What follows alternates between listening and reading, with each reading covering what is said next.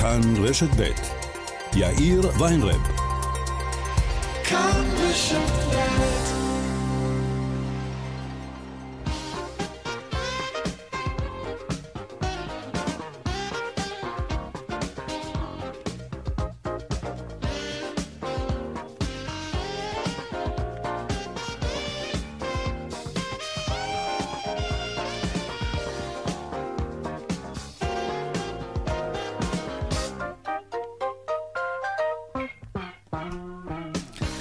קצת אחרי ארבע ועוד ארבע דקות, כאן צבע הכסף ברשת ב', יום רביעי, שלום רב לכם, העורך רונן פולק בהפקה, אביגל בשור, טכנאי השידור קובי בז'יק.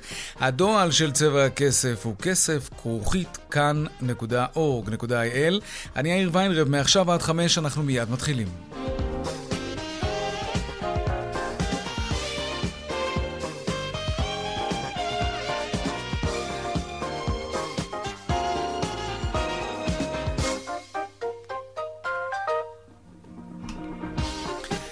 תחילה לחותרות צבע הכסף ליום רביעי, ועוד לפני הכלכלה לסערה בכנסת אחרי ההצבעה על החוק להכרה רשמית של המדינה באחריותה לטבח בכפר קאסם לפני 65 שנים. החוק נפל ברוב גדול, אחרי ההצבעה פרץ עימות חריף בין חברי הכנסת הערבים במשכן. שלום זאב קם, כתבנו בכנסת. שלום יאיר, אכן סערה כן. במשכן, זה בהחלט אה, נכון. רק מילה אחת לפני הסיפור של אה, כפר קאסם, ממש מהדקות האחרונות, הפסד נוסף של הקואליציה בהצבעה במליאה. האופוזיציה מצליחה לקבל אה, רוב להצעת חוק שלה, של קרן ברק, הצעת חוק שעוסקת במדיניות הביטוח במכוני כושר. 25 הצביעו בעד, 24 הצביעו נגד. הקואליציה כושלת בהצבעה הזו, השנייה במספר. מאז שהחל מושב החורף. Mm. עכשיו לגבי הסערה שאמרת מקודם בסיפור חוק כפר קאסם, חוק שמבקש להכיר במה שיוזמי החוק מגדירים טבח כפר קאסם משנות ה-50. צריך להגיד, ידענו מראש שהחוק הזה הולך ליפול, לא היה לו רוב, זה היה ברור. השאלה הייתה מה יקרה בתוך הקואליציה, האם יקבלו חופש הצבעה, כן. כן, מרץ ורע"מ, שחלקם לפחות מזוהים באופן אישי עם החוק הזה. בסוף רע"מ הצביעו בעד, באישור, מרץ ברובם יצאו, למעט שני ח"כים ערבים שגם כן הצביעו בעד אה, בניגוד למשמעת הקואליציונית, אבל הסיפור הגדול בס, בסופו של דבר יצא בעימות כמעט אה, חסר התקדים בין אה, השר עיסאווי פריג' ממרץ לבין חברי הרשימה המשותפת. הנה קטע מהדברים, ואתה יודע מה, אני ראיתי את עיסאווי פריג' הרבה מאוד שנים בכנסת, כל כך נסער, לא ראיתי אותו כבר הרבה מאוד אה, זמן. הנה. אני כבן כפר קאסם, כבן למשפחה שכולה, מבקש ממך, עזבי את הימין ועזבי שמאל. בואו נהפוך את זה להצעה לסדר שנדון בה בוועדה לחינוך. אבל אתם מתעקשים, אתם מתעקשים, כי אתם רוצים לעשות מהכאב שלנו פוליטיקה פנימית. אני מזהיר אתכם, תשתקי! תשתקי! מה כן, זה? כן, הוא אחרי זה. זה, תשמע, הוא דיבר מדם ליבו. את מי הוא ניסה להשתיק? את uh, יוזמת uh, חוק uh, כפר קאסם, חברת הכנסת עאידה תומא סלימאן מהרשימה המשותפת. הוא בעצם בא ואומר, אני פועל באופן אמיתי כדי שהמדינה תכיר בנושא הזה, גם אם בצורה אחרת ולא באמצעות חוק, ואת רוצה רק קולות במגזר הערבי, והוא ככה ירד מהדוכן, הוא הלך אחרי זה למרפאה של הכנסת לאור זה שהוא היה נסער וכנראה נרגש באופן uh, מיוחד. Uh, ההצעת חוק נפלה, אבל העימות לא פסח גם הפעם על המליאה. בהחלט, זאב גם כתבנו בכנסת, תודה רבה. תודה, יאיר. ועוד היום בכנסת, הוועדה לשירותי דת אישרה לקריאה שנייה ושלישית את הרפורמה במערך הכשרות. המשמעות של ההחלטה הזאת שיבוטל המונופול של הרבנות הראשית וגופים פרטיים שהיא תפקח עליהם יוכלו גם הם לתת תעודות כשרות מטעמם לבתי עסק בתחום המזון. עוד מעט אנחנו נעסוק גם בזה. שער הדולר ממשיך לרדת וגם היום צנח אל מתחת ל-3 שקלים ו-20 אגורות. בהתאחדות התעשיינים קוראים לממשלה לפעול בכל האמצעים שיש לה ולתמוך בייצוא שעלול להיחרב. הם משתמשים במילה הזאת, להיחרב בעקבות משבר הדולר. הנה נשיא התעשיינים, דוקטור רון תומר. ירידת הדולר עוד מעבר לשער נמוך גם כך של 3.20 מהווה איום ישיר ומיידי על הייצוא הישראלי ועל תעשיית ההייטק. תעשיות שכל כך חשובות לצמיחה הישראלית וההתאוששות מהקורונה. אנו קוראים לבנק ישראל להמשיך במדיניות האגרסיבית של רכישת דולרים כדי לאזן את הירידה בשער המטבע ולייצר כבר עכשיו את עמדתו הדומה לשנת 2022. עכשיו לסאגה סביב ההתמודדות של אבי ניסנקורן בבחירות שמתקיימות היום לתפקיד נשיא התאחדות בתי המלון. בית המשפט המחוזי בתל אביב קבע לפני זמן קצר כי ניסנקורן כשיר להתמודד והבחירות יתקיימו כסדרן. הדיון התקיים בעקבות עתירה שהגישו מנהלי בתי מלון עצמאיים שטענו כי לניסנקורן אין את הכישורים וגם לא את הזיקה לתחום התיירות והמלונאות. אז מה יש לו לחפש שם, במילים אחרות? זה מה שהם שאלו מנהלי בתי המלון. ועוד בצבע הכסף בהמשך, הסוף לאקדח המחירים במרכולים. אין יותר. משרד הכלכלה מתכוון לאמץ את ההמלצה שמאפשרת להציג מחיר על גבי צג אלקטרוני במקום הצגת המדבקה על כל מוצר ומוצר. מדובר במהלך דרמטי שישנה את אחת המהפכות הצרכניות הגדולות ביותר שהיו כאן לפני 25 שנים, שיש מדבקה של מחיר על כל מוצר ומוצר. נדבר על כך, ננסה להבין גם האם המהלך הזה לא יפגע בזכויות שלנו, הצרכנים, ומה זה יעשה למחירים? גם זאת שאלה. ועוד בהמשך על צעד נוסף בדרך לפטור מאשרת כניסה, ויזה לארצות הברית. האם מהלך כזה יוביל גם לעליות מחירים של כרטיסי הטיסה ליעד הנחשק? הגיוני סך הכל, כי אם לא צריך ויזה, אז יותר אנשים ירצו לטוס לארצות הברית, וכשהביקוש עולה, אז גם המחיר עולה. והדיווח משוקי הכספים כרגיל לקראת סוף השעה, אלה הכותרות כאן צבע הכסף. אנחנו מיד ממשיכים.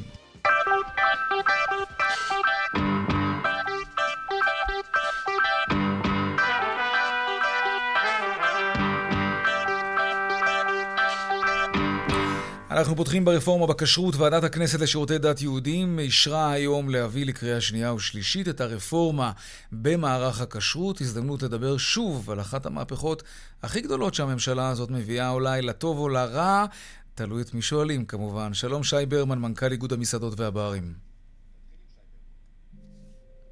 שי ברמן, מנכ"ל איגוד המסעדות והברים, אתה איתנו? שלום, אהלן. אהלן, מה שלומך? כן. אחלה. נצרף לשיחה גם את הרב עמיטל בראלי, מנכ"ל ארגון חותם. שלום גם לך. שלום, צהריים טובים. נתחיל איתך, שי ברמן, מנכ"ל איגוד המסעדות והברים. עד כמה באמת הרפורמה הזאת תשנה את חייך המקצועיים כמסעדן? למה הרפורמה הזאת טובה? אני חושב שהרפורמה הזאת היא מהפכה של ממש, ותהיה לה השפעה לא רק על חיי כמסעדן, אלא בכלל על ציבור הרחב.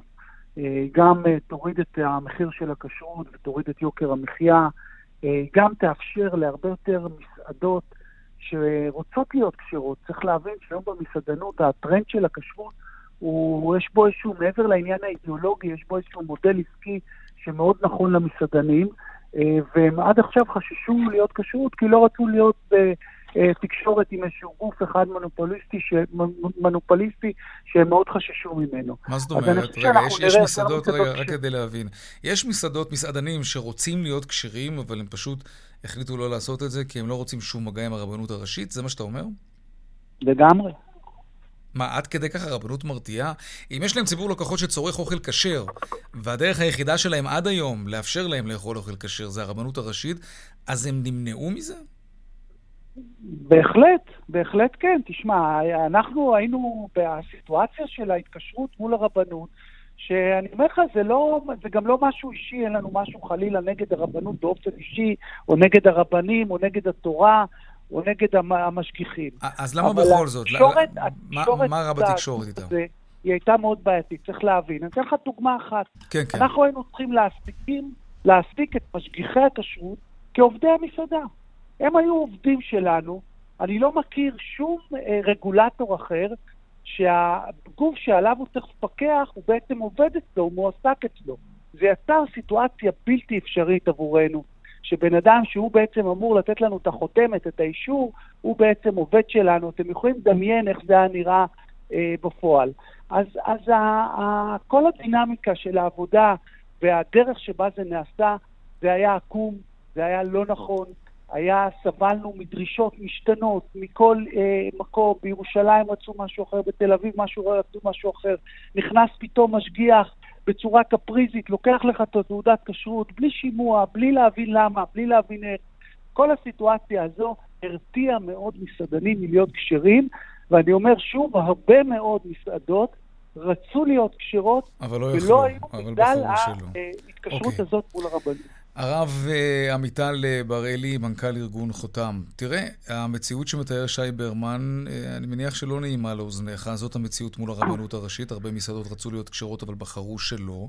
עכשיו, אולי הם כן ימצאו את ספק הכשרות המתאים להם, וזה גם יהיה זול יותר, ואולי גם יביא לירידת מחירים בעבור הסועדים.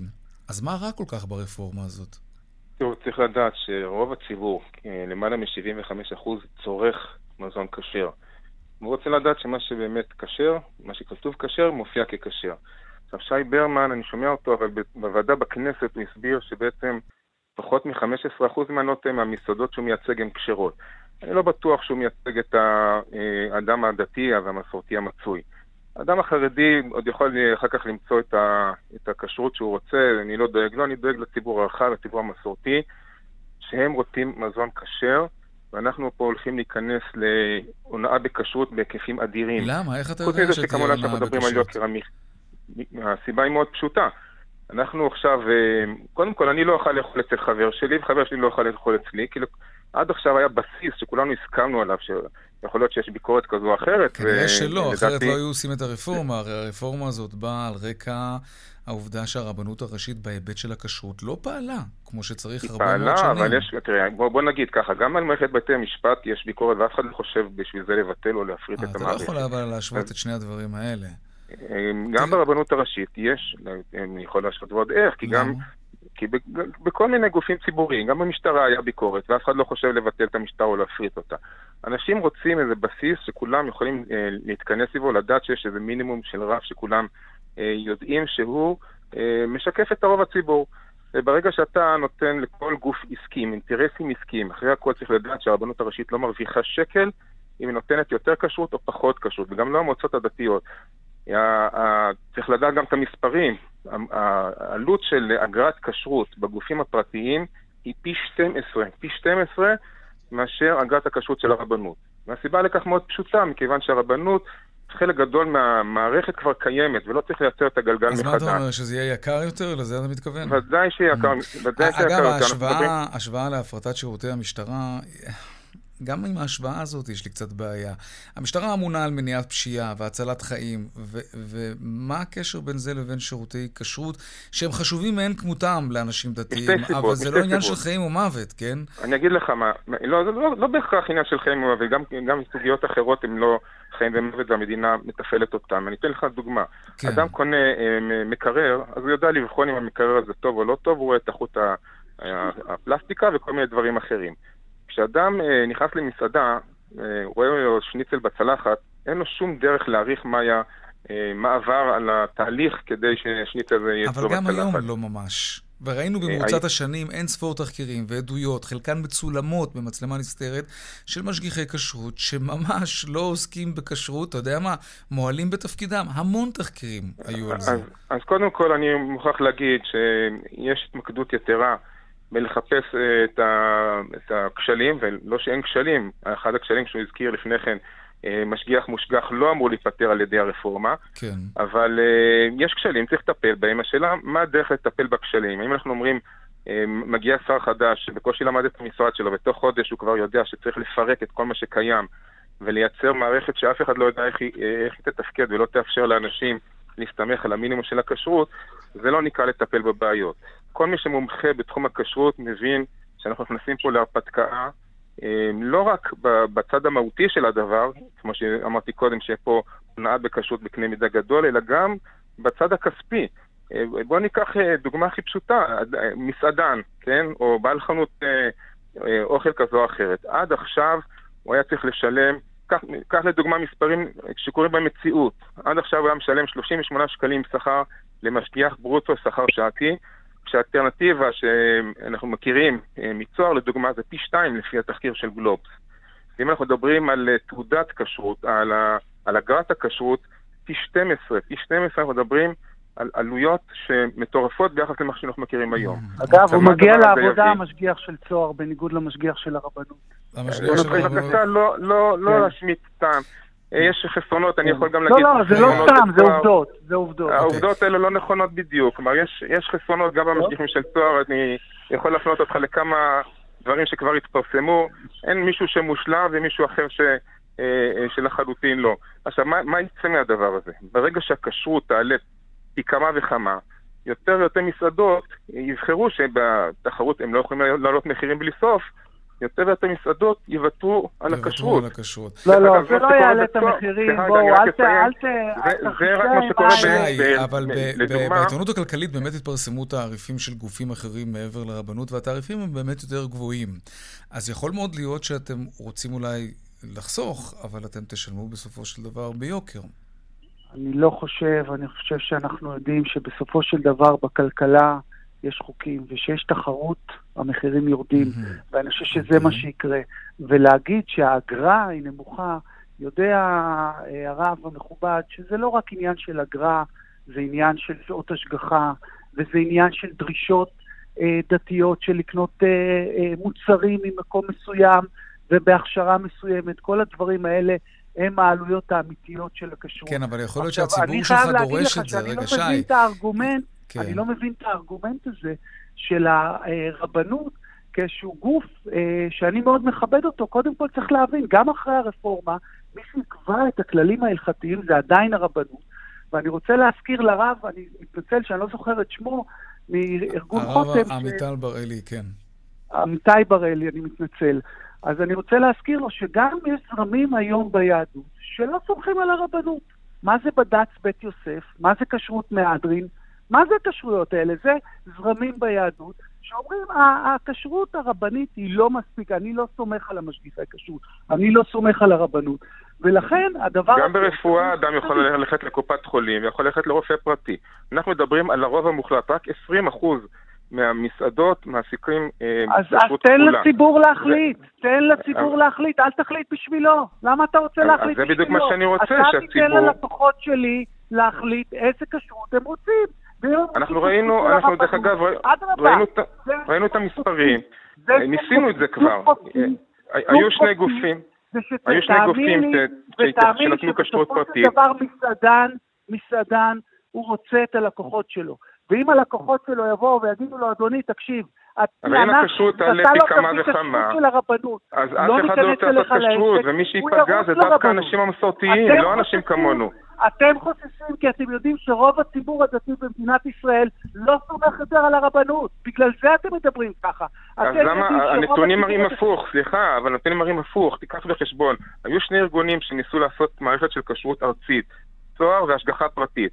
בשניהם אף אחד מהם לא התרומם, וכולם, חלק גדול מבעלי העסקים, אחרי תקופה מאוד קצרה עזבו אותם, כיוון שהציבור הצביע ברגליים. הציבור רצה רבנות. אני רוצה להזכיר לך. לא- אנחנו לא נגיע להסכמות. רגע, רגע, רגע, שי... אני רוצה להגיד לך שמבחינה חוקית הרבנות הייתה לה בעלות על המילה כשר. שי ברמן, שי ברמן, והרב אה, עמיטל בראלי, אה, הוויכוח היה מאוד מעניין. אגב, הרב עמיטל בראלי, אה, אתה אוכל אוכל שהוא כשר על פי הרבנות, או שאתה צורך כשרות קצת יותר מחמירה? אני אוכל אוכל של כשרות רבנות, ולפעמים במוצרים מסוימים אני משתדל להחמיר יותר, אבל זה, זה תוספת, זה לא משהו ש... בבסיס אני אוכל רבנות, ואני נפגש עם חברים ויושבים במקום של רבנות, mm-hmm. וזה הבסיס של כולנו, רק okay. אוקיי. שנבין את המשמעות של זה, שמעכשיו ואילך יהיה לכל אה, עסק אה, כשרות אחרת שאף אחד לא מכיר ואף אחד לא יודע, ואני לא אוכל לשבת עם חבר שלי ברוב העסקים, אלא אם כן הם יעסיקו כשרות כפולה, מה שלא קורה כיום, של כשרות מאוד מחמירה. וגם בטח מאוד יקר. עם מחירים מאוד גבוהים. הרב עמיטל בראלי, מנכ"ל ארגון חותם, תודה רבה. שי ברמן, מנכ"ל איגוד המסעדות והברים, תודה רבה. שלום, שלום. תודה רבה. טוב, אנחנו לעניין הבא שלנו, הרפורמה בהתחדשות העירונית, תמ"א 38, פינוי-בינוי וכולי. זה אושר היום בוועדת הפנים אה, לקריאה שנייה ושלישית, כלומר מליאת הכנסת עדיין לא אישרה, אבל זה הכיוון. הרבה מאוד דיירים וקבלנים חיכו, מחכים לשינוי החקיקה הזה, בין היתר משום שמעכשיו צריך רוב של שני שלישים מהדיירים לפינוי-בינוי, ולא רוב של 80 אחוזים, כמו שהיה עד היום, ומאוד מאוד הקשה על קידום פרויקטים מהסוג הזה, אבל זאת רק דוגמה אחת, יש, יש עוד שינויים. שלום יעקב אטרקצ'י, מנכ"ל חברת uh, הבנייה אאורה, שלום לך. שלום. עוד מעט אנחנו נדבר בהרחבה על דיירים סרבנים אה, ועל זה שבכוחם של הדיירים האלה, שהכוח שלהם, של הדיירים האלה, נחלש עכשיו בהצעת החוק החדשה. אבל לפני זה, מה עוד יש בהצעת החוק הזאת? אילו עוד שינויים משמעותיים יש שם? תראה, בהצעת החוק שגובשה ואנחנו מניחים שתאושר במהלך שבוע הבא, אז יש את ההורדה של כמות החתימות הנדרשת מ-80% לשני שליש, שזה מאוד משמעותי. יש שם הסדרה של נושא של היטל השבחה, שיהיה 50% מהיטל השבחה הרגיל. כי עד היום חלק מהמקומות היה פטור מהיטל השבחה וחלק מהרשויות ביקשו היטל השבחה מלא. באה המדינה ואמרה אני חותכת את זה לחצי וכולי, אה, אה, וזה נותן גם בהירות וזה גם עוזר לקדם פרויקטים. יש עוד משהו שלא בהכרח קשור רק להתחדשות עירונית. באה המדינה ואומרת אני רוצה לקצר הליכי תכנון ובנייה, ולכן אני אה, אה, לא ניתן יותר תוספות שבס מה שנקרא, אה, אה, אה, שזה היה אפשרות בהקלה לבקש הקלות, להוסיף כמות יחידות דיור, וזה היה, כך טוענים, זה היה קצת מעכב את הליכי תכנון ובנייה, זה לא יתאפשר החל מעוד שנתיים, כי יש איזו הוראת מעבר לשנתיים. ודבר נוסף, בבניינים נמוכים יאפשרו לאדריכלים לחתום במקום הרשות המקומית ולקחת אחריות על היתר. אז אתה חושב שהשינויים האלה טובים, שהם אה, יוכלו לזרז ו... תהליכים מהסוג הזה? הם טובים ולא מספיקים, ואני אסביר למה. אנחנו כרגע נמצאים בקטסטרופה מבחינת היצע המגרשים והדירות, בעיקר באזורי הביקוש. שנה אחרונה מחירי הדירות עלו ב-10%, בצפי בשנה הבאה זה יעלה בהרבה יותר. מחירי המגרשים מאמירים, כל מכרז שמינהל מקרקעי ישראל מוציא בחודשים האחרונים נסגר פי שתיים, פי שלוש מהערכת השמאי, יש מחסור, המחירים עולים. עכשיו, התחדשות עירונית זה באמת הדבר היחידי שיכול להביא אה, אה, עתודות קרקע משמעותיות באזור המרכז, וזה גם עושה טוב לכולם, כי זה מביא גם עתודות קרקע, גם משפר את אה, אה, הערים במרכזי הערים איפה שצריך. כן. נותן באמת פתרון פנטסטי לדיירים הוותיקים, נותן אפשרות גם לדיירים חדשים, זוגות צעירים לקנות וכולי, והמדינה לא מסבסדת אותם. עכשיו, זה לא קורה מספיק, כי יש בירוקרטיה. ועכשיו הנושא של השני שליש חשוב. אבל יש עוד כמה דברים שעדיין לא טופלו, ואני חושב שראוי שיטופלו. בעיניי הדבר הכי חשוב שטרם טופל, ולדעתי זה חייב להיות הדבר הבא, זה הנושא של קרן תחזוקה. יש המון אנשים היום בדירות הוותיקות, הדירות הישנות, שדרך אגב חלקם אפילו מסוכנות, יש בתים מסוכנים רבים, אלפי בניינים במדינת כן. ישראל. אנחנו קצה הקרחון, מה שאנחנו רואים כרגע. ואנשים רגילים לשלם ועד בית 100 שקלים, 150 שקלים, אנשים מבוגרים, אנשים קשי יום וכולי, אז באמת הם משפרים את איכות החיים שלהם ביג טיים בפרויקט של התחדשות עירונית, ו- ובאמת הם, הם גם נהנים מרווח כלכלי וגם בעלייה okay. אוקיי. גדולה באיכות החיים, אבל הם לא יודעים לסבסד 800 שקל, 1,000 שקל. אני חושב שהמדינה חייבת לחוקק בחוק אפשרות לתת להם פטור מדמי ניהול ל-X שנים, לפחות 10 שנים, ולתת תוספת אה, אה, כמותית ליחידות הדיור כדי שהפרויקט יכיל את זה. זה ייתן לאנשים, בנוסף לשני שליש, אפשרות להצטרף לתהליך, לא לפחד מהתהליך, ואחר כך okay. אוקיי. גם לגור בדירות החדשות שבנו עבורם, כי זה בעיניי הדבר החשוב בהתחדשות עירונית. אוקיי. Okay. בוא נצרף לשיחה שלנו את עורך הדין משה רז כהן, מתמחה בהתחדשות עירונית. שלום. שלום רב. בוא נדבר על אה, דיירים אה, סרבנים. אה, הם, הם באמת בעיה יותר קטנה עכשיו? זה שינוי דרמטי? זה שינוי, זה דרמטי למחצה. המעבר ל-66% כן, זה ישפר את ההליכים, זה יקדם אותם, אבל זה לא יפתור את כל הבעיות. אחד, צוואר הבקבוק המרכזי זה כמובן הליכי התכנון, כרגע זה צוואר הבקבוק.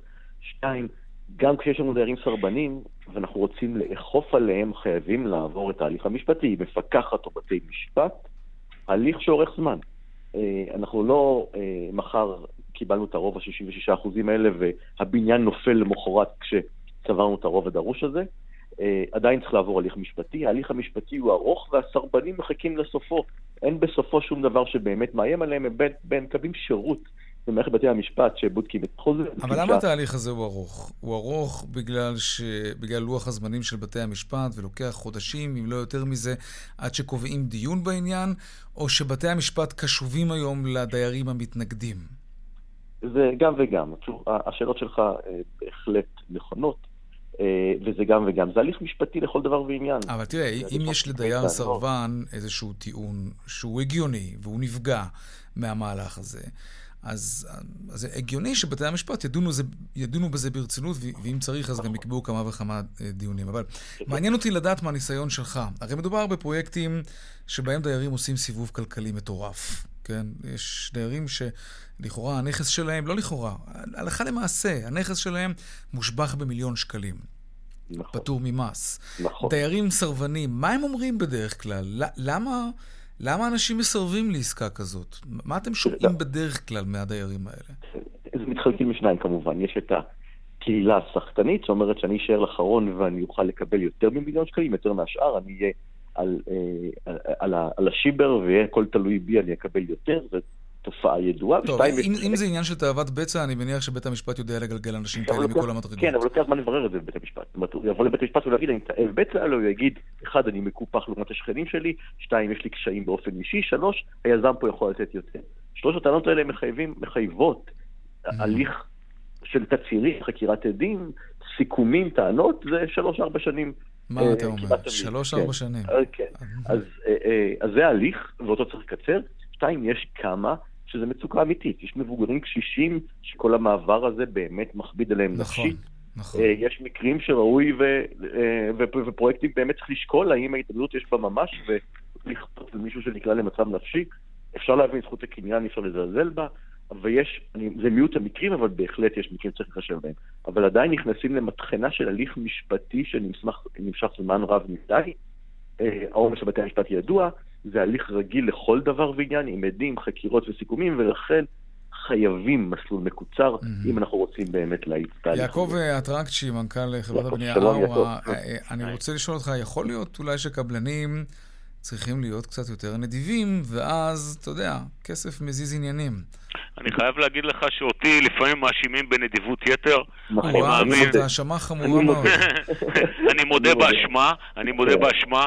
אני חושב שהתושבים ראויים לקבל אה, אה, תמורה ראויה, ואני מאוד מאמין בזה. יחד עם זאת, אני מאמין בעיקרון השוויון. זאת אומרת, אני תמיד מבטיח לאנשים שמי שחותם ראשון וחותם אחרון מקבל אותו דבר. בעיניי זה עיקרון מקודש.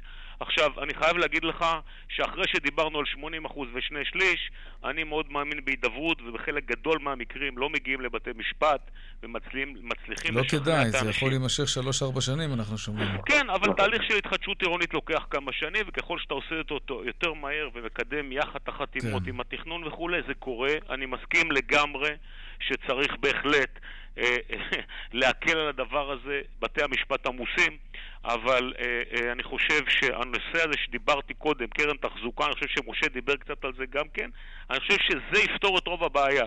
כי רוב האנשים הם לא סרבנים, אני לפעמים נעלב בשם הדיירים הוותיקים שקוראים להם סרבנים. אני חושב שחלק מהאנשים חוששים, מפחדים מהתהליך, מה יהיה אחר טובות, כך. כן. כן, אנשים מבוגרים, יעקב. אתה מעביר אותם לשלוש שנים לדיור חלופי, כן. ואחר כך מחזיר אותם לדירה וצריכים לשלם דמי ניהול גבוהים, בעיניים ברור. שלי טוב, זה הפתרון האמיתי. יעקב אטרקצ'י, מנכ"ל חברת הבנייה אאווה, ועורך הדין משה רז כהן, מתמחה בהתחדשות עירונית, תודה רבה לשניכם. תודה רבה. תודה לך. דיווחי תנועה עכשיו.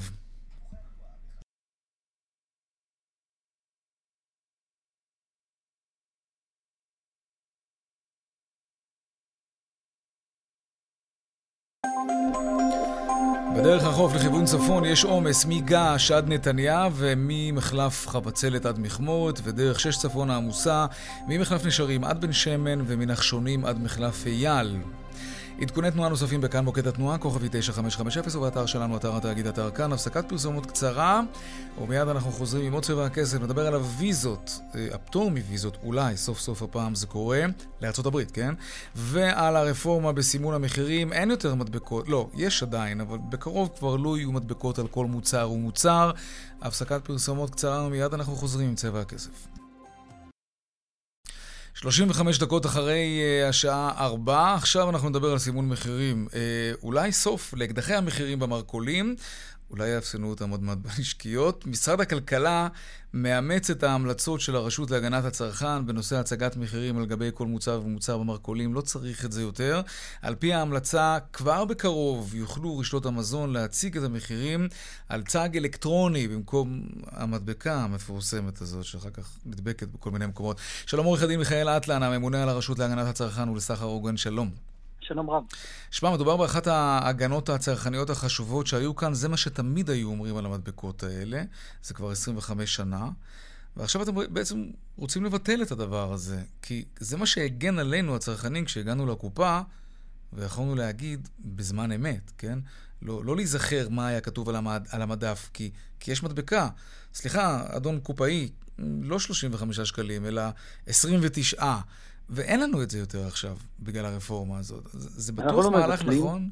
אנחנו עשינו עבודת מטה מאוד אה, מעמיקה. אנחנו לא מבטלים, אה, אנחנו משנים את הצורה בהתחשב בהתפתחויות טכנולוגיות שמאפשרות לשמר את אה, היתרונות שהפתקית נותנת ולהוסיף תועלות לצרכן, למשל בדמות ביטול התופעה שהיא מכת מדינה, של אה, פער במחיר בין אה, המדף לבין הקופה. מהרגע שה... להפך, אבל עכשיו יהיה קשה מאוד לשים לב שבחשבונית מופיע מחיר גבוה יותר מאשר על המוצר.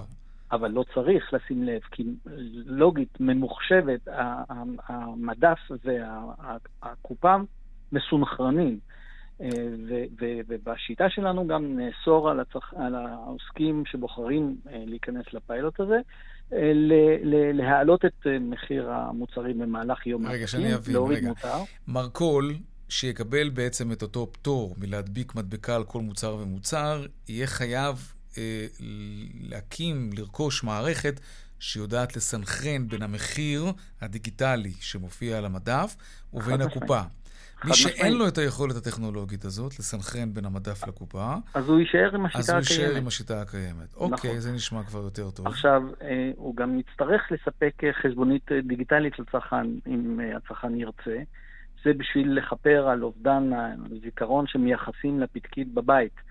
כאילו אה, צרכנים, אני קצת מטיל ספק כמה צרכנים זוכרים מחירים של כל המוצרים שהם קונים, אה, אולי אחד ושניים, שלושה, על כל פנים בשביל אה, להחליף את הדבר הזה, גם הדרישה הזאת תבוא. אנחנו גם הגדלנו את הדרישות הטכנולוגיות לפי גודל החנות בחנויות הגדולות מאוד, בסופרים הגדולים של הרשתות. בנוסף לצג האלקטרוני, תהיה גם חובה לספק אמצעי לסרוק את, ה, את המוצרים במהלך הביקור בחנות, ובצורה שגם מספק אה, סכום אה, של הקנייה, כך שאתה מוסיף לזה גם מימד של שליטה על התקציב. אה, דבר שהוא גם מכה היום. כלומר, mm-hmm. אנשים, אה, עשינו גם סקרים שמגלים דברים מעניינים. קודם כל, שאנשים באמת חורגים מהאומדן, ככל שהם באו עם אומדן, הם חורגים ממנו בצורה משמעותית, והם לא מבטלים זה רעבים, זה קורה. תגיד...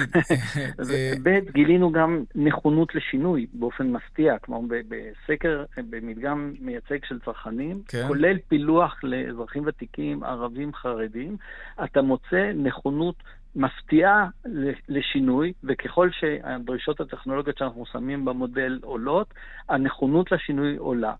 60% מהאזרחים הוותיקים... אבל למה? מה זה, מה זה משנה לאנשים? מה זה משנה לאנשים? להפך, זה הרבה יותר נוח כשיש לך מדבקה. שאתה רואה מה המחיר של המוצר עד שאתה מגיע לקופה. אתה לא חושש אולי שעכשיו גם יהיה אולי למרכולים יותר קל לשחק עם המחיר, להעלות אותו כלפי מעלה? כי אז לא צריך ללכת ולקלף או להדביק, סליחה, להדביק מדבקה חדשה על אותו מוצר. כלומר, יש משהו שהוא נורא קל, בלחיצת כפתור אחת על המקלדת, אתה משנה מחיר של מוצר. אי אפשר אבל לשנות את המחירים בלי להשאיר עקבות, ובשביל זה אנחנו נהיה שם. מה זאת אומרת?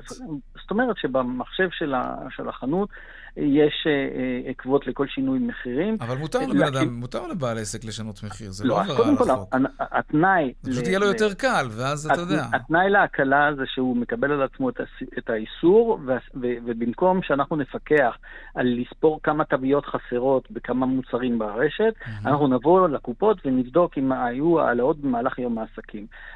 ובקמעונאים הגדולים, שמחויבים ממילא בגלל חוק אה, השקיפות מחירים, לדווח כל מוצר, כל שעה, כל חנות, אז ממילא היכולת שלהם לתמרן היא אפסית. אוקיי, ו... תגיד, הצעד הזה מטבע הדברים יחסוך לא מעט כסף לסופרמרקטים, למרכולים. אנחנו, יש איזושהי התחייבות ש... שזה יגולגל לצרכן? אולי, אולי יוזילו אני... קצת מוצרים, אם אנחנו חוסכים להם בכוח אדם. אין התחייבות. אה, יותר מזה, אני פסימי בעניין הזה. אנחנו בדקנו לא, בעולם, לא במקומות שבהם זה אסור. Mm-hmm. זה, זה, זה nice to have, אם זה יקרה. הלוואי ובאמת החיסכון בעלויות יבוא לידי ביטוי בהורדת מחירים. יש מקומות שבהם זה קרה, יש מקומות שבהם זה לא קורה. אנחנו לרוב רואים אה, תרגום של עליית מחירים כשיש תוספות של עלויות רגולטוריות. הפוך, זה יותר נדיר. לכן אני לא בונה על זה. אני מקווה שזה יקרה, אני לא בונה על זה. תגיד, כמה לחץ היה מצד הרשתות לבצע את הרפורמה הזאת? הם הרי, זה היה כאב ראש בשבילם, הסיפור הזה של המדבקות. תראה, הלחץ הוא קיים 20 שנה, אז מהבחינה הזאת שום דבר לא השתנה. זה לא שהפעילו עליי חרב על הצבא יותר מאשר אי פעם. אבל כשאתה, אני, אני לא יודע אם יצא לך להיתקל בכמה סניפים בודדים שבו, שבהם יש כבר פיתוחים טכנולוגיים, כשאתה רואה את זה בעיניים נופל לך האסימון. אין כמראה עיניים לשנות תודעה, וותיקי הרשות אחד-אחד, כאשר ראו את הדברים במו עיניהם, הדברים השפיעו. אי אפשר להתעלם מה, מה, מהמשמעות של הקדמה. עכשיו, אנחנו מקווים גם שהדבר הזה יזרז תהליכים שקורים לאט מאוד, של, של הכנסת תימונאות טכנולוגית מתקדמת. עגלה חכמה ש... וכולי. עגלה חכמה וכולי, שזה מגניב. אומר גם חיסכון בזמן. כן. דבר אחד רק אמרת, רק לסיום כי זמננו תם, כן. כמה פעמים יצא לך לחפש איפה הפתקית על המוצר? זה חיסכון בזמן גם. אתה כבר לא צריך את זה. תמיד מוצא את זה בסוף על החולצה. כן, לוקח זמן. אוקיי. תודה. עורך הדין מיכאל אטלן, הממונה על הרשות אה, להגנת הצרכן ולסחר הוגן, תודה. תודה לך. שלום לכתבתנו גילי כהן, כתבתנו המדינית גילי כהן, שלום. שלום, שלום. עוד רגע נדבר על הפטור מוויזה לארה"ב, אנחנו כבר, יש הערכה בארץ שזה יקרה כבר בשנה הבאה, אבל לפני זה בואו בוא נדבר קצת על אלפי יחידות הדיור שמתוכננות לקום מעבר לקו הירוק ועל הרעש שזה עושה. כן, המינהל האזרחי אישר היום לקדם את בנייתן של אה, למעלה משלושת אלפים יחידות לכם. זה קורה למרות אה, לחצים מצד ארצות הברית, לחצים חריפים, כולל שיחות אה, בדרגים מאוד בכירים בין שר החוץ אה, בלינקן האמריקני לבין mm-hmm. שר הביטחון גנץ, וגם ביקורת שנמתחת בימים האחרונים לא רק מארצות הברית, אלא משלל מדינות באירופה. וגם בסקנדינביה נגד המהלך הזה. גורמים אמריקניים הביעו דאגה מכך שהבנייה עצמה צפויה להיות גם בהתנחלויות בעומק השטחים, לא רק בגושי ההתנחלויות ולא רק במקומות אם תרצה, בקרבת ירושלים, או פחות או יותר משהו באזור הזה. זו תוכנית בנייה שנרחבת, אה, הנרחבת ביותר המקודמת בזמן תקופת הנשיא ביידן, ויש מה שעוד מעניין זה שיש גם ביקורת או סמי ביקורת מתוך הממשלה הזו על המהלך הזה. נזכיר, ממשלה שכוללת גם אה, ימין וגם שמאל. מפלגת העבודה צייצה אה, אחרי אה, אה, ריב או התקוטטות קודמת בין גנץ לבין אה, מרב מיכאלי, mm-hmm. יושבת ראש מפלגת העבודה, צייצה גם כן נגד המהלך הזה. אה, בשורה התחתונה, סוגיית אה, קידום בנייה, הבנייה בהתנחלויות מעוררת מחלוקת לא בישראל, לא רק לא אה, מחוץ רק לישראל, כן. אלא, רק ביש, אלא גם בישראל פנימה. כן, טוב, זה... ככה זה, ככה זה אצלנו. מי אה, שרצה ממשלת אה, שינוי שמאחדת בין כל אה, הספקטרום הפוליטי, מקבל את ההתנגשויות האלה פעמיים בשבוע בערך. זה חלק מעסקת החבילה כנראה. כן. טוב, בואי נדבר קצת על הפטור מוויזה לארה"ב. אגב, שמעתי רק לאחרונה את הפודקאסט המצוין שלך על הפטור מוויזות לארה"ב, וגם שם, אם אני זוכר נכון, השתעשעת שאנחנו כל הזמן מתלהבים, מתלהבים, ובסוף זה לא קורה. אז מה הפעם? זה נראה יותר רציני? אתה אה, מותח ביקורת על ההשתעשעות? או... להפך.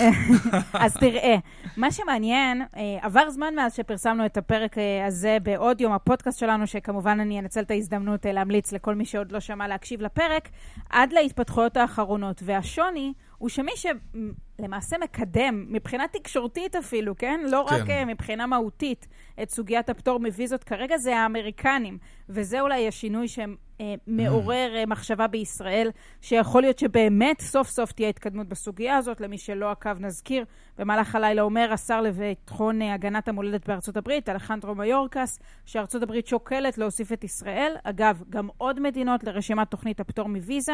מיורקס באיזשהו אה, טריק כזה יכול לפטור את ישראל משורה של התחייבויות שהיא לא עומדת בהן.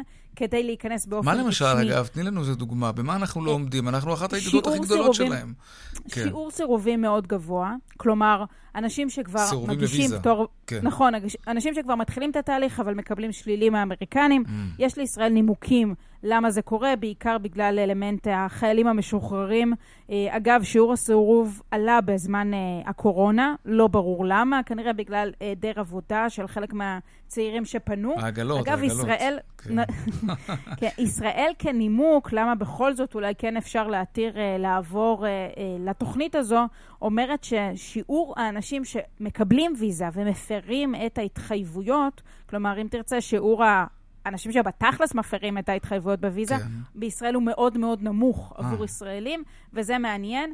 גורם ישראלי שדיברתי איתו מעריך שייתכן וכבר בשנה הבאה ישראל תיכנס לתוכנית הזו של הפטור מוויזה. זה כמובן יהיה שינוי דרמטי לשורה, ש... לכל מי שאי פעם רצה לטייל בניו יורק או לבקר בארצות הברית, זה כמובן משנה מאוד. עדיין אני חייבת לומר לך, יש כמה סימני שאלה, כי יש עוד איזושהי נקודה קטנה כזו, כן? הדדיות, שכמו שישראל רוצה לקבל עבור אזרחיה פטור מוויזה, כן. גם הברית רוצה שכל האזרחים שלה יוכלו לבוא לישראל, ושירות הביטחון לא כל כך אהבו את זה, גם הם יצטרכו להתגמש. אנחנו לא פחות מתוסבכים מהם בענייני אה, ביטחון, אבל כנראה בצדק. גילי כהן, כתבתנו המדינית, תודה רבה. תודה רבה. עדיין באותו עניין, אה, עמית גולדברג, מנהלת הפעילות של טראבליסט, שלום לך. נעים מאוד. נעים מאוד גם לי. מה, מה את חושבת? הפעם זה קורה? מה התחושה שלך? אמ, כמו שגילי כהן אמרה לפני רגע, אנחנו רואים באמת אה, קצת יותר רצינות אה, בהצהרות הפעם. אני מניחה שהפעם אולי נזכה סוף סוף להיות פטורים מוויזה לטיולים בארצות הברית. הלוואי, הלוואי. תגידי, כמה ישראלים נוסעים לארצות הברית בשנה בכלל? אה, אם אנחנו מסתכלים על השנים שלפני הקורונה, כן, כן, ברור. זה, זה חוצה את המיליון אה, נוסעים בשנה. וואו. הרבה יותר, זה אפילו קצת, כמעט נושק לשני מיליון. וואו, אז רגע, התור כזה רק יגדיל את המספרים עוד יותר, זה ברור. ברור. אז גם המחירים של הכרטיסים יעלו. גם זה ברור, ומבאס. זה מבאס ולא מבאס, כי בהתחלה, כי בהתחלה אני לא צופה שיהיה אה, אה, עלייה משמעותית. כן יהיו עליות לאורך הזמן, אה, אבל אנחנו לא נגיע למחירים שהיו בעבר לפני המון שנים. אני מזכירה שלפני המון שנים טיסה לארה"ב הייתה משהו מאוד מאוד יקר. נכון. כרטיסים היו מעל אלף, אלף אבל לא הייתה תחרות והשמיים לא היו פתוחים, נכון, אז, אז אחרי, נכון. אנחנו במציאות אחרת. נכון. אבל עדיין, כשהביקושים יעלו, אז חברות התעופה ידעו לעזור לזה. הביקוש יעלה כן. וחברות התעופה יעלו את המחירים. אבל... Uh, ככל שהביקוש יעלה, גם חברות התעופה האמריקאיות, כמו אמריקן איירליינס ויונייטד, אז גם התחרות תעלה, תגבר. בדיוק, מאוד מתחרות על הנושא הישראלי, הן פותחות קווים שאף פעם לא היו. טוב, בואי נדמיין קצת שאנחנו טסים לשם. לאן, אה, לאן ישראלים טסים בארה"ב בעיקר? ניו יורק זה היעד מספר אחת? ניו יורק זה, זה היעד מספר אחת, ללא ספק. כן, אחריו מיאמי, אה, אחריו דווקא אה, החוף המערבי, שזה יותר לוס אנג'לס, סן פרנסיסקו, לס וגאס. אוקיי, ומה הישראלים עושים בארצות הברית? רוב הטיולים הם בעיקר אה, אה, או ניו יורק, שזה טיולי שופינג, גם מיאמי זה קצת טיולי בטן גב, קצת, קצת יציאות לקרוזים, okay. אוקיי. אה, והחוף המערבי זה הרבה יותר טיולים. Mm-hmm. טיולים רכב, לאורך החוף. Mm-hmm. הרוקיז? יש, אבל לא הרבה. לא הרבה? זה דווקא לא מדהים שם, הייתי. נכון. אוקיי. תגידי, ואיפה קורונה נמצאת בתוך הסיפור הזה? אמ, קורונה יש בכל מקום. אה, אבל אני יכולה להגיד שההתנהגות בעיקר בניו יורק היא מאוד דומה אלינו. אה, יש תו ירוק, אה, מכניסים מחוסנים למקומות, בודקים, יש גם בדיקות מהירות, יש גם בכל מיני דוכנים ברחוב בדיקות מהירות, לוודא שהכל בסדר איתך. אה, כן? בחינם. מה, מה את אומרת? מה, אפשר ללכת כן, סתם כן. ככה בסדרה החמישית ופתאום להתקל באיזושהי עמדת אה, בדיקה מהירה כן. ולעשות את זה בחינם? כן. מה זה בחינם, אגב? המד... המדינה מממנת את זה, או שזה ארגונים וולונטריים? זה אני לא יודעת להגיד לך אה. למען האמת. אוקיי. תגידי, ויש יש, יש עכשיו יותר תנועה לארה"ב ככל שהגל הרביעי דועך? כן, קודם כל, גם לאורך כל הקורונה ראינו שיש תנועה לארה"ב. אה, בגלל שזה אחד היעדים המועדפים לנושא הישראלי.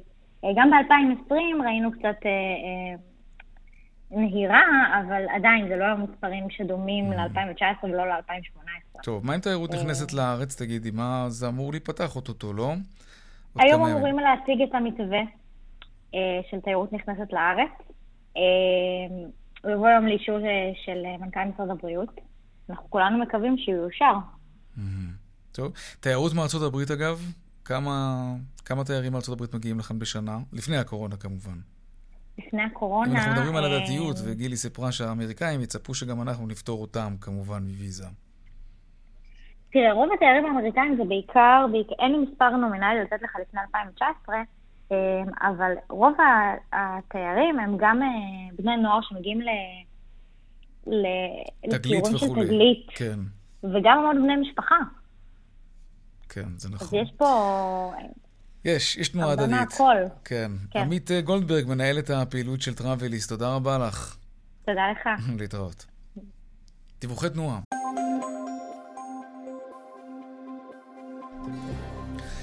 דרך 66 דרומה עמוסה ממשמר העמק עד צומת מגידו, ובדרך החוף צפונה עמוס מגעש עד נתניה, וממחלף חבצלת עד מכמורת. עדכוני תנועה נוספים בכאן מוקד התנועה כוכבי 9550 ובאתר שלנו, אתר התאגיד, אתר כאן. הפסקת פרסומות קצרצרה, מיד אנחנו חוזרים עם הדיווח משוקי הכספים. כבר חוזרים. שש וחצי דקות לפני השעה החמש, עכשיו לעדכון משוקי הכספים. 102 200, take them.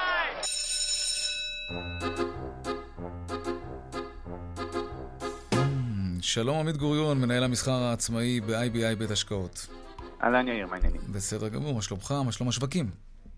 אה, סך הכל בסדר. השוק שלנו בישראל מקבל קצת מימושים היום, לא משהו דרמטי. אה, מדד המעוף תל אביב 35 יורד 3 עשיריות האחוז. מדד המניות בעלות שווי השוק הבינוני, תל אביב 90, יורד כרבע אחוז. מחזורי מסחר לא רעים עומדים על 1.4 מיליארד שקל עד כה. מי שמרכזת את המחזור הגבוה ביותר היא טבע, פרסמה בוקר דוחות לרבעון השלישי, אה, אחרי ירידות של 7% אתמול בארה"ב, הדוחות אכן היוו אכזבה מסוימת, גם ברמת ההכנסות, גם ברמת הרווח הנקי מול הצפי. עכשיו יש גם חשש שפסיקה תקדימית של בתי המשפט בישראל תחייב את טבע לשלם מס לא קטן נוסף, כך לפחות לפי כלכליסט. היא עברה מעליות של 2% לירידות של כחצי אחוז בארצות הברית, לא משהו. אה, בכלל בארצות הברית השווקים מחפשים אה, כיוון, שלושת המדדים המובילים, S&P, דאו ונסטק נסחרים סביב האפס, במגמה מעורבת light מה שנקרא. באירופה גם הדקס וגרמניה, גם היורוסטוק 600 יורדים מעט, 3 עשיריות האחוז. בעולם המטח הדולר שובר שיאים שליליים, נסחר לראשונה מזה שנים מתחת לרמות של 3 שקלים ו-20 אגורות. בנק ישראל ודאי מורטים שערות אם בכלל נשארו להם כאלה. היורו, גם הוא נמוך בהשוואה לתקופה האחרונה, 3 שקלים ו-70 אגורות. הביטקוין, יקירנו, יורד בחדות לרמות של מתחת 60 אלף דולר, אחר ההייפ ההיסטרי של הימים האחרונים. יורד בחדות, כן, ככה זה כן, בקריפטו. אם הוא רגוע זה לא תקין. עמית גוריון, מנהל המסחר העצמאי IBI בית השקעות, תודה רבה לך. תודה לך, יאיר. להתראות, ערב טוב.